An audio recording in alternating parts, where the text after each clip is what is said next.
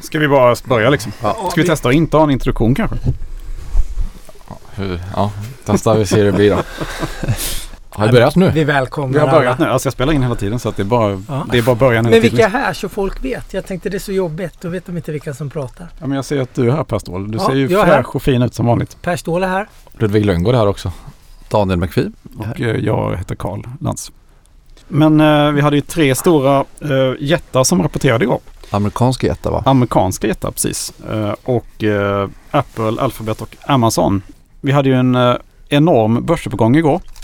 Som blev pådrivet av Fed. Kan man säga. Att de börjar ta lite lugnare i sina räntehöjningar. Och ECB får man väl... Och Får inte ECB också. glömma bort ECB var det mycket igår. Exakt.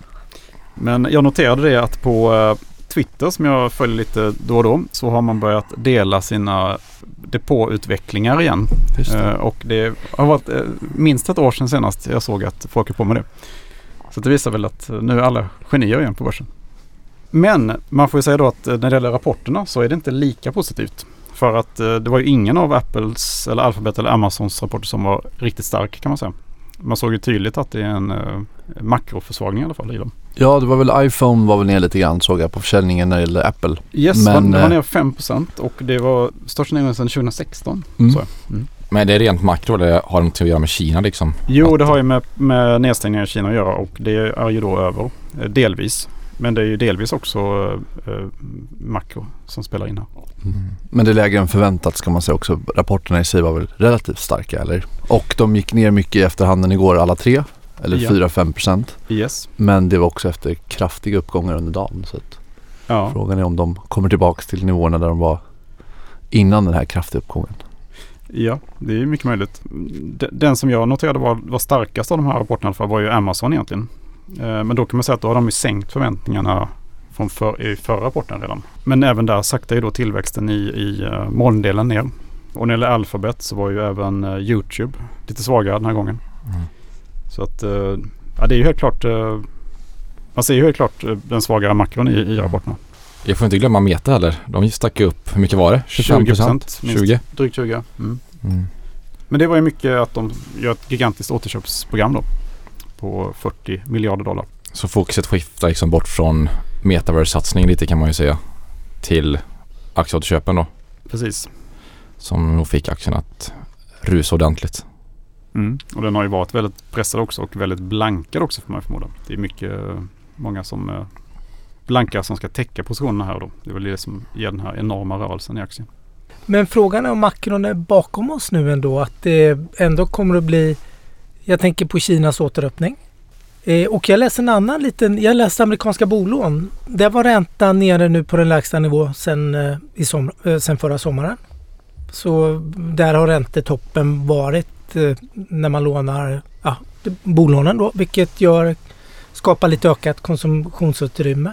Vilket som du pratar om eh, med makron då är ju att man har fått mindre konsumtionsutrymme för inflationen och räntorna äter upp en större del av inkomsten än man har gjort tidigare då. Eh, Så det ska bli intressant. Jag såg att de var ju ner mycket på efterhandeln. De eh, var väl ner i princip där de gick upp Där de började i princip ja. Mm. Ja. Så vi får ju se hur det blir. Men jag vet, det ska bli lite intressant att se hur marknaden, Mm.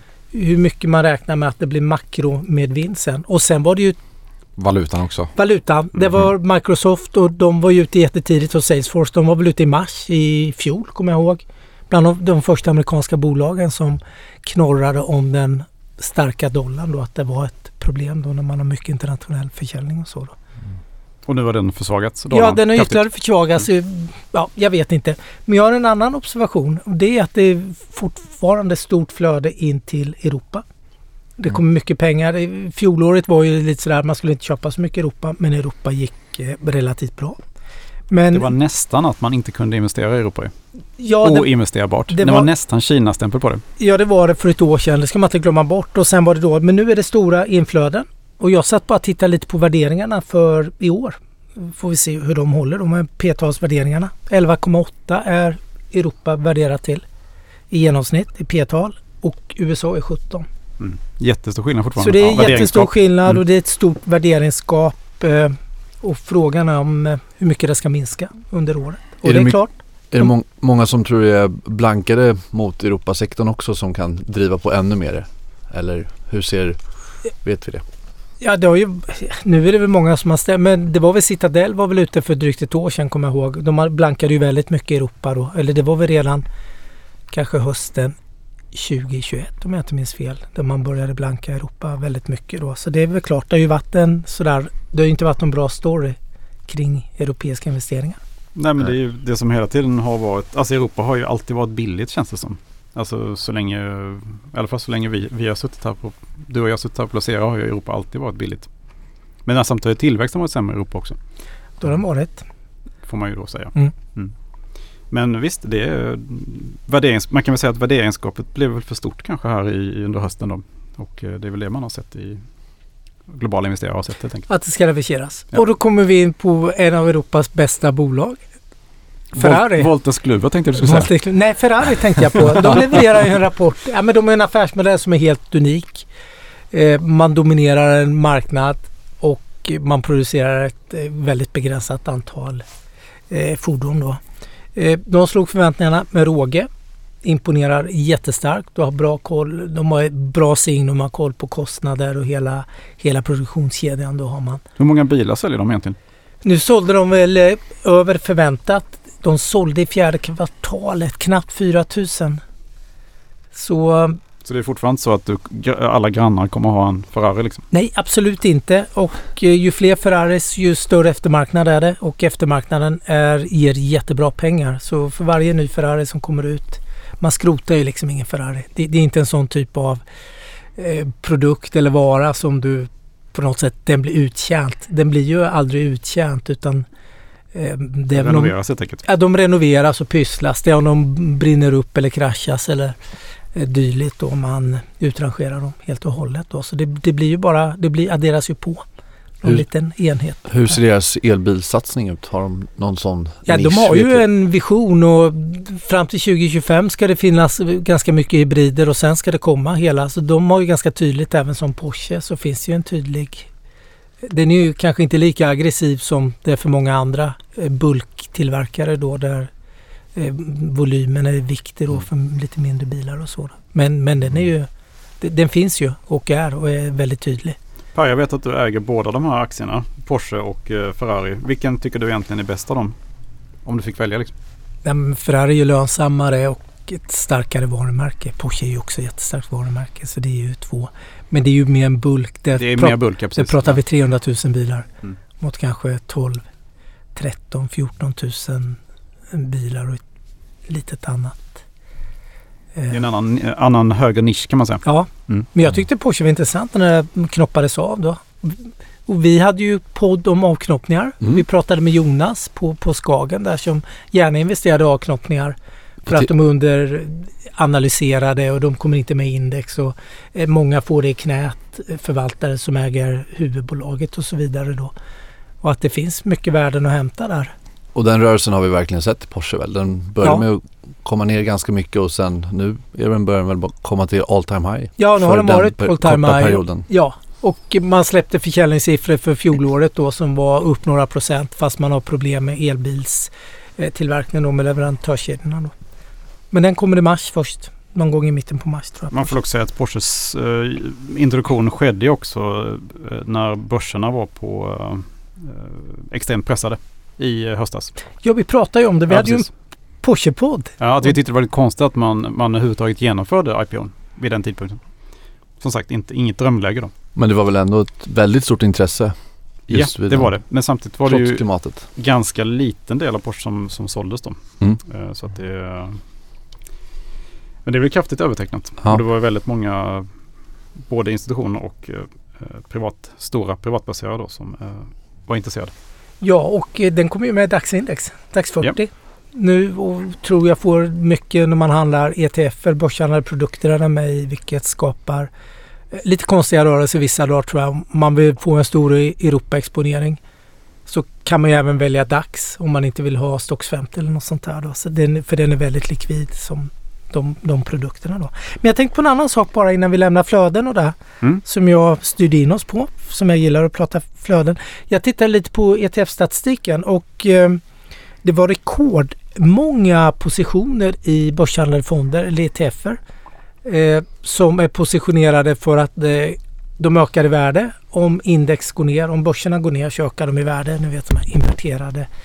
Eh, där var det i, i, under den första veckan i år och sista veckan i, i fjolåret då, då var det rekordstora inflöden till den typen av produkter. Alltså i blankningar I blank, ja, i blankningsprodukter eller hur man nu ska Mm. se det då, inverterade produkter. Eh, Men det var det som var hela snacket också inför det här året. Att vi skulle ha ett dåligt första kvartal. Och eh, sen ska det vända liksom. Och nu har vi haft liksom det bästa kvartalet nästan i börshistorien. Liksom. Eller motsatsen. bästa månaden. Bästa ja. månaden ja, fall. bästa månaden. Jag såg det var bästa januari för Nasdaq på 22 år. Och Ja. Den bästa för EMU sen EMU, bil- eller liksom EMU-index. på aktier. 2002. Eh, Ja precis, Den bästa Mm. någonsin då. Så det, det det är den häraden. Det är Det går alltid fort. tvärtom liksom. Ja, vi får se. Året är inte slut än men de kanske får rätt de som har positionerat sig i den typen av börshandlade produkter. Vi får se. Det har inte gått så bra första månaden i alla fall. Det är väl risk, eh, eller det är väl en eh, ganska hög sannolikhet att många av de där har redan nu kanske löst tillbaka de där. Eller sålt dem. eh, Med tanke på hur kraftigt börsen har stigit här de sista dagarna också. Det är väl- det ger väl lite känsla av att det är panik liksom i, i, hos bankerna ändå. På Ja. vissa håll. Så kan det säkert vara. Ja, Porsche är ju riktig kvalitet men Carl du har också kollat på ett annat tyskt bolag som är kvalitativt. Du tänker på Nemetschek? Ja. Nej men det är ju ett mjukvaruföretag som är, håller på inom byggbranschen främst. Precis. Och de, man kan säga att de digitaliserar byggbranschen. Mm. Och den är väldigt underdigitaliserad. Precis. Och genom att då eh, göra det här så kan man eh, spara väldigt mycket tid och pengar och resurser. Eh, De räknar ut att man skulle kunna spara upp till kanske 30% totalt på ett bygge. För nästan det är så här 90% av alla byggen blir försenade till exempel. Så om du får ett bättre flöde i det så finns det väldigt mycket pengar att spara. Mm. Och även en stor del av allt byggmaterial måste kasseras. Och så här. Det finns, finns jättemånga, mycket svinn i den branschen. Och Eh, de har ju hela värdekedjan då. De har ju hela liksom, program för hela värdekedjan precis. yes. Och- Eh, och en annan intressant sak är ju att det är ett familjebolag också. Som eh, familjebolag är ju någonting man egentligen ska sträva efter att äga om man är långsiktig. För att de presterar bättre på lång sikt helt Mm. enkelt. De tänker mycket längre sikt. Om man då också är i rätt bransch så har man en perfekt kombination. Mm. Men det där måste ju, jag som inte kan bolaget alls särskilt bra som ni kan. Jag tänkte nu, ni säger att byggtiderna blir längre och det har ju varit helt förödande nu sista året. För ju längre någonting har tagit, som inflationen har varit så stark så eh, antar jag att de här byggena blir ganska mycket dyrare. Då spricker hela kalkylen för att eh, tidsfaktorn. Så det känns ju som att eh, den här inf- höga inflationen som har varit nu spelar lite byggarna i, i händerna. Att, att man digitaliserar lite snabbare. Mm. För att man ser att det finns mer pengar att hämta nu när byggvaror och insatsvaror har blivit så pass mycket dyrare. Det blir ännu viktigare precis att, att använda den här typen av, eller digitalisera byggbranschen så att säga. När man ser att man kan spara pengar på det, tror jag också. Men det som ligger då Nemetschek i fatet just nu kan man ju säga då är ju att byggkonjunkturen är på väg ner. Eh, Vi hade ju till exempel nu i veckan att eh, Europas största hyresvärd Vonovia då säljer ju in alla nybyggnationer under 2023 till exempel. Och redan tidigare har de då dragit ner. Så att man ser ju tydligt att byggkonjunkturen är på väg ner och det slår ju mot eh, Nemetschek Mm. såklart. Sen får man ju då säga att aktien är ju redan ner då. eh, Den är ju halverad i princip eh, jämfört med för ett år sedan. Och värderingen ligger runt P35 typ. Eller något sånt där. Ja precis och det är ju då den har ju då varit, den är fortfarande en hög värdering eh, men det kommer ju då från en extremt hög värdering kan man säga. Mm. Så att eh, någonstans här om man är långsiktig så är ju aktien intressant tror jag. Det, det tror jag verkligen med. Och sen har du en annan grej också att de har ju sålt väldigt mycket på licens och inte haft så mycket återkommande in- intäkter. Men nu börjar man liksom få in de här SaaS-lösningarna i produkterna. Mm. Så det kommer ju la ge mer stabilitet till verksamheten. Nu ligger det på 60 ungefär. Mm, exakt. Hur ser den geografiska försäljningen ut? Är det bara Europa eller finns det utanför Europa också? Jag tänker på byggkonjunkturen så är ju, den är väl relativt lokal sådär. Ja, det är den ju. Nej, de är ju ganska spridda då. De har ungefär eh, lite drygt hälften är ju från Europa då. Mm. Finns ju i, och där står Tyskland för ungefär en fjärdedel då av, av eh, omsättningen. Så, så eh, 50% i Europa och eh, hälften i Tyskland. Så det är klart att det är ju stor påverkan. Men eh, Mm. Nordamerika 34% Asien 10 Låter Så lite, lite spridda är de ju absolut. Eh, Så det ger väl en viss buffert. på det hela taget så är ju det här, eh, alltså risker då, det finns ju såklart en konkurrentrisk också. Du har ju till exempel Autodesk då, eh, amerikansk jätte som eh, klart är en viss fara här. Mm. Exakt. Men, Sen vet jag att de har väldigt men, hög... men det är ganska stora vallgravar alltså. Ja, man ska exakt. byta. Mm. Ja, det ser man inte minst på den här. eh, De har väldigt hög return on equity och return on invested capital. Det är också riktigt kvalitetstecken liksom. Mm. Så man gillar det här med familjejakt och i kombination med detta. Och en bra balansräkning också. Ja. Det ska man inte heller underskatta i tuffare tider. Verkligen inte. Ja, Ja, spännande. eh, McPhee, vad har du gjort i veckan? Ja, i veckan. Ja, ju, idag, eller idag. Den här veckan har jag tittat på HMS bland annat. Mm. Vad är HMS för något? De jobbar med, ehm, vad ska man säga, industriell intelligens kan man kortfattat säga att det är. Vilket gör egentligen att de erbjuder produkter, både hårdvara och mjukvara, som gör att eh, industri- eller industriella produkter kan kommunicera med varandra eller annan mjukvara. Och det gör ju kort och gott att industrin blir mer effektiv, produktiv och lite mer på temat energibesparingar. Eh, och de säljer ju sina produkter till både tillverkande eh, kunder, det vill säga till exempel Atlas som tillverkar industriella produkter. Men också de som använder de industriella produkterna. Så det kan vara biltillverkare till exempel i deras fabriker. Eh, och den uppkopplande industrin är ju ett ganska hett ämne. Och de har ju ridit mycket på den vågen. Så att de har faktiskt växt vinsten jag tror tio gånger nästan de senaste tio åren. Så att de har ju varit, gjort en fantastisk lönsamhetsresa. Eh, Och Latour är storägare, apropå ägarbilden. Eh, Hur- mycket äger de då? Nästan 30 procent. Ja, det är mycket. Ja. Och sen eh, följt av vd som äger 13 procent. Ja. Eh, som har varit med och grundat det också. ja, men det är ju bra ju. Så Ja. mycket kött och blod alltså. Ja men verkligen. Eh, och de har gjort en, en fin marginalresa får man ju säga. Rörelsemarginalen ligger på 25 procent. Eh, så att, och i år så växer de organiskt med 17 procent. Så att de har ändå växt under 2022 här trots att det varit mycket oro kring när ska industrin bromsa in. Men de rider mycket på trenden kring uppkopplade industrin som uppenbarligen finns ett stort behov av fortfarande. Mm. Och kanske automatisering, Ja. högre automatiseringsgrad. Och jag tänker att man flyttar hem delar av produktionen. Gör man lokalt. Och så att det, det finns ju många underliggande trender som fortfarande är, väldigt starka även om makrobilden ser lite mörkare ut. Ja, exakt. Du har någon form av strukturell tillväxt. Mm. Nej men verkligen och det de har sett däremot som man ska flagga för det är att de har haft lite, en del dopade ordrar med tanke på att lever- leverantörskedjorna som alla vet har varit ganska eh, långa eh, och struliga. Och det har gjort att kunderna har överbeställt. Eh, och av deras orderingång som eh, under Q4 här så var ungefär 10% av det dopat. Så att, men de har en stark orderbok eh, fortfarande eh, som går in här 2023. Så att man kanske, jag skrev det där, man kanske inte kan riktigt räkna med samma tillväxttakt eh, varken på omsättning eller vinst kommande åren men det är ett, helt klart ett väldigt intressant bolag. Eh, de har levererat väldigt bra och det har också gjort att värderingen har sprungit iväg lite grann just kortsiktigt. De gick upp väldigt mycket på rapporten också som kom här i förra veckan. Vad ligger P talet på då? Runt 35, Mm. 40 på innevarande år, 2023 då. Eh, så att det är ju rätt högt. Men eh, de har också haft en historia av alltid varit högt värderat, ett sånt typ av bolag. Så att, Mm. nej, men jag tycker det är väldigt intressant men eh, var lite avvaktande där men absolut någonting att följa upp när vi får en lite surare börs och man kanske kan fånga upp den lite billigare. Mm. Så att, eh, Så det är inte köp just nu. inte just nu, den här veckan kanske men Nej. vi får Men se en, om... en annan vecka kanske. Ja exakt. Eh, Ludde, vad, vad har du sysslat med då? Ja, jag sysslar är med lite så här, lite så här eh, läxförhör liksom. Nej men jag har kollat lite på VVS kan man säga. VVS. Ja, Mm, det låter, ju, låter intressant. Det låter som något som man måste ha. Eller? ja det är något som alla behöver ha. Det behöver man verkligen ha. Eh, Jag har kollat på Instalco som Mhm. är ett förvärvsbolag som förvärvar eh, installatörer Mm. inom VVS då. Alltså elektronik och allt vad det innebär. Och sen erbjuder de även eh, teknikkonsultation konsultation då också. Alltså det är inte bara VVS utan nu är det även andra grejer nu som är inne i.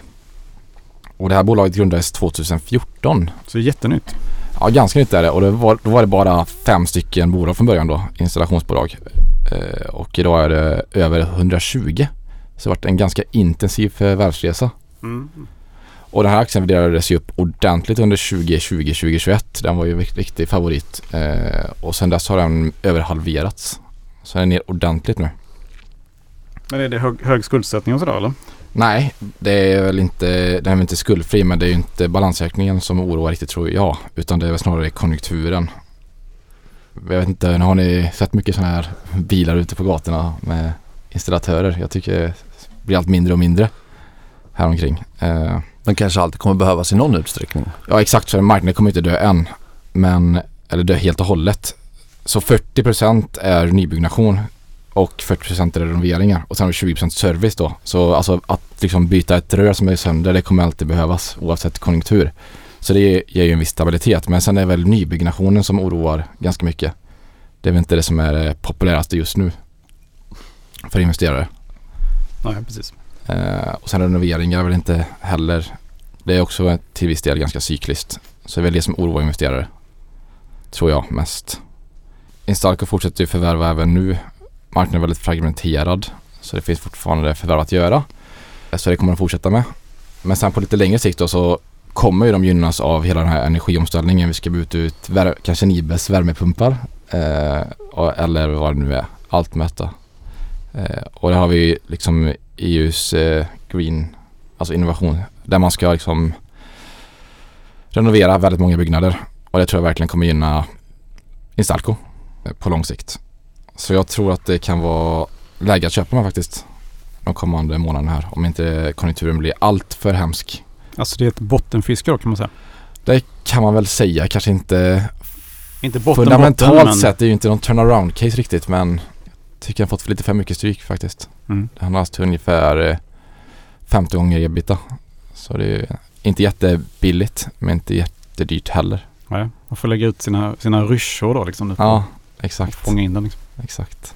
Ja, det är ju strukturell trend även där, vilket jag gillar. Jag tänker med energieffektivisering, den ligger ju väldigt högt ut, upp på EUs agenda nu. Eh, Med hela den här, man vill frikoppla sig från rysk energi och eh, fossila bränslen och göra den här förnybara energiomställningen också. Vi vet ju att fastigheter eh, läcker ut koldioxid, eller liksom de är ju, gör ju stort klimatavtryck liksom. Så det finns mycket att hämta genom att isolera bättre Mm. och, och byta fönster, ventilation, uppvärmning, i hela, hela kedjan där. Exakt. och även nybyggnation Exakt. såklart. Då. Det är en ganska lågt hängande frukt också precis. Som man kan börja med precis. Ja. Mm.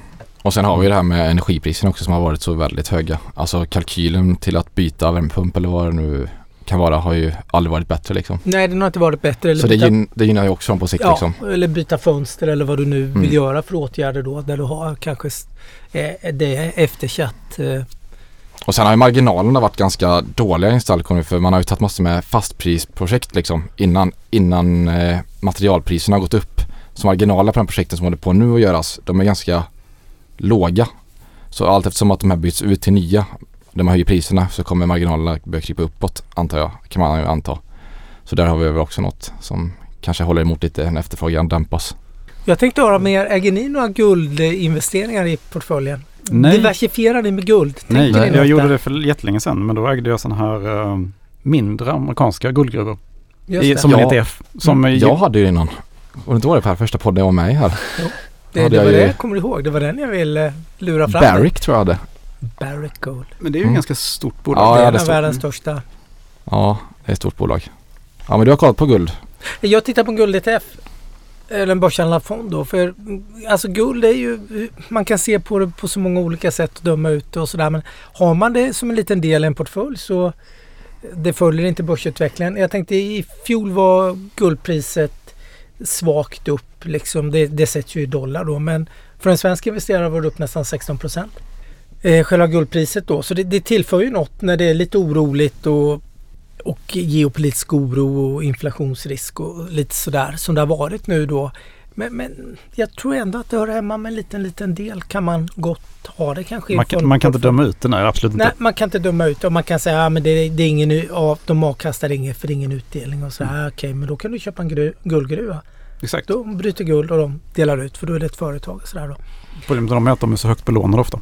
Men det är en annan sak. Ja, det, Mm. det är en annan sak. Men, men det finns ändå att bygga ihop en portfölj. Jag tittade på en eh, eh, Vanek. Det är en av de största. Det var den jag ägde faktiskt. Ja. GDXJ tror jag. GRX, precis. Är en av de mest likvida och Mm. det är jätteliten spread. Och, eh, de följer ett bra index som är 50 bolag i då. Som är, eh, ser väldigt bra ut.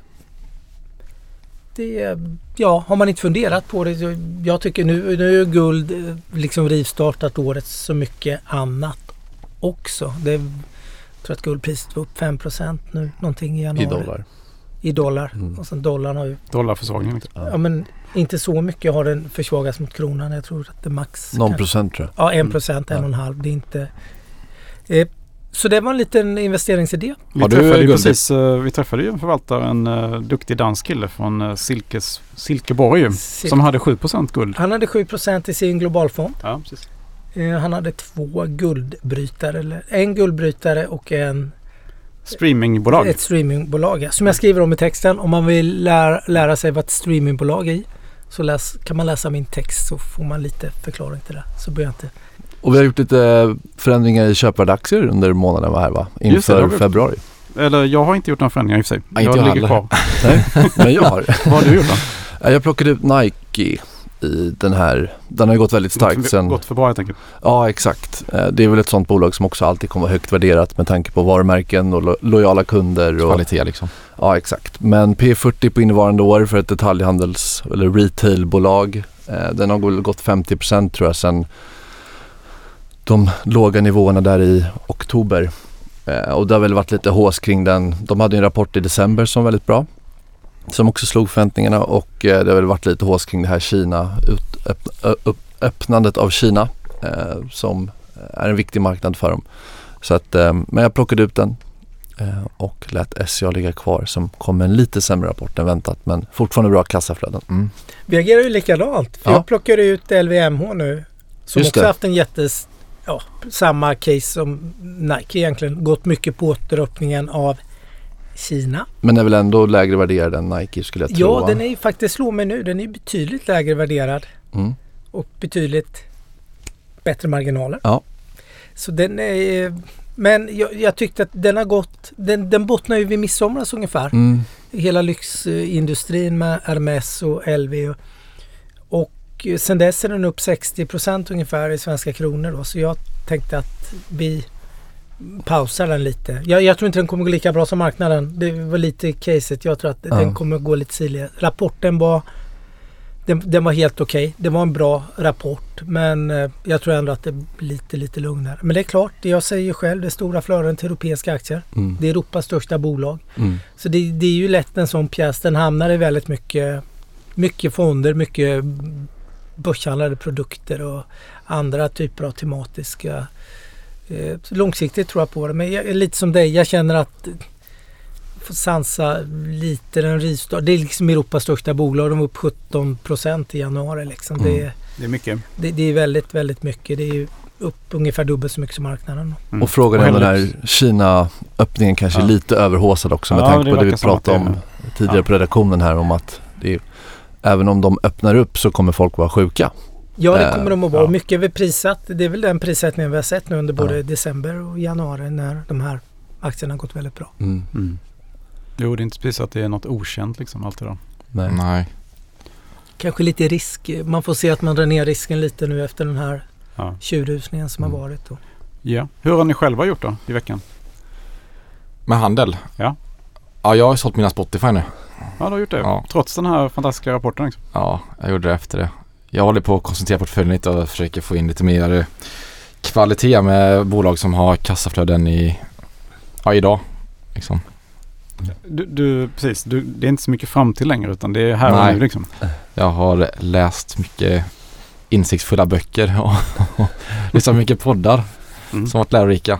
Mm. Och så har jag kommit fram till att vad som liksom funkar för mig bäst. Mm. Så tror jag på det snarare än att hitta, eller hitta massor med bolag som eh, kan bli otroligt bra men då är ju också risken högre.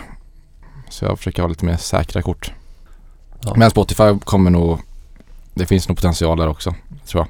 Bruttomarginalen kom in bättre än väntat och abonnenttillväxten var också väldigt bra. Så den stack ju, jag tror det var 13% på rapporten där. Sen var den väl upp till 4% igen igår. Mm. Så då sålde jag väl Men Så nu bra. ska de revolu- revolutionera sjukvården såg jag också. Ja, så, att, de eh, vi får får se. göra. Ja, får se om han lyckas med det också. Mm. Ja, Nej. ni då?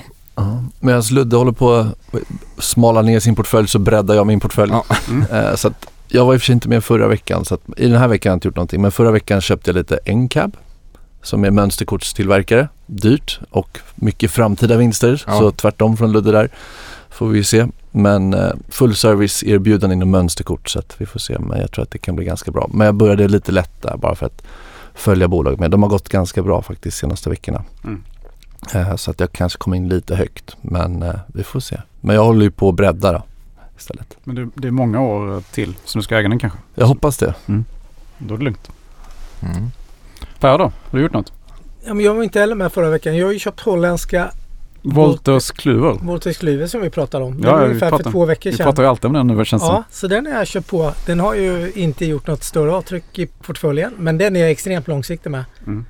Tittade på Mm. lönsamheten. Allt Mm. är ju top notch och de är marknadsledare. Yes, men det är ju affärsprogram helt enkelt. Ja. Eh, Olika nischprogram är det ju. Ja, och det är Mm. mycket mot revisionsbyråer, Mm. eh, konsultbyråer, advokatfirmor.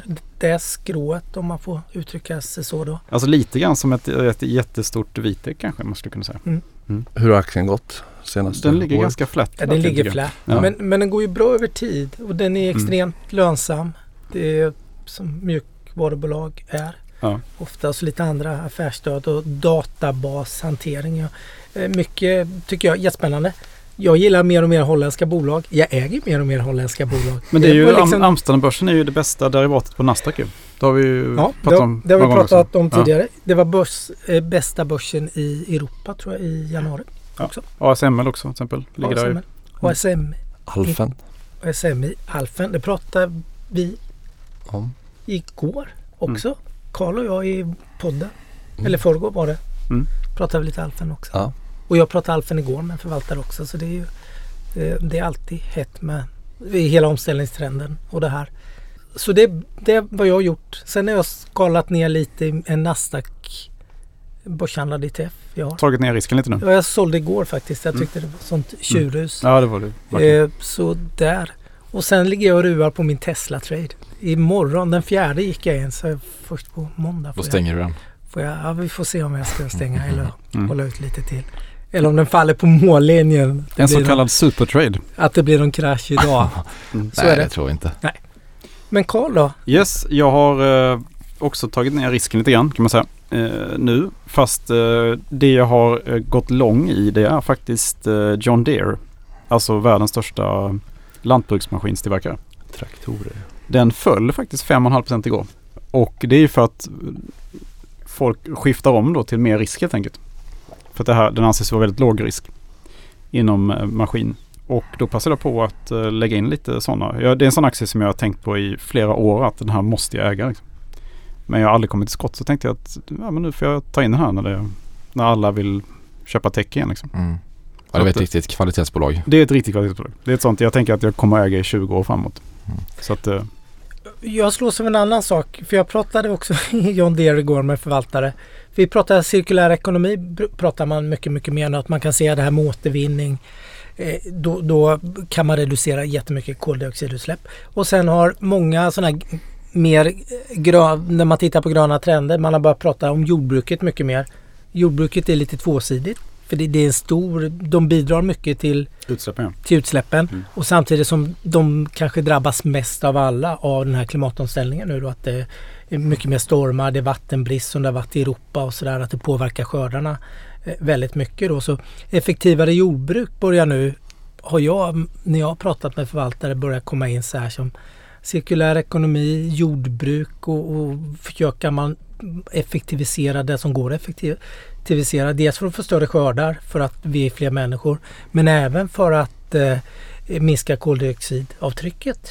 Mm. Är det ju en viktig del och jag vet att eh, jag, det du har handlat nu är ju det, pratar, det är mycket automatisering av, av jordbruket och effektivisera och få ner koldioxidavtrycket. Alltså framförallt är det ju att då, då, man tror att eh, jordbruk kommer bli den första sektor där man har rikt, på själv, riktigt självkörande fordon. För att eh, där finns ju inga, inte så stora risker då att du kör över människor och sådär.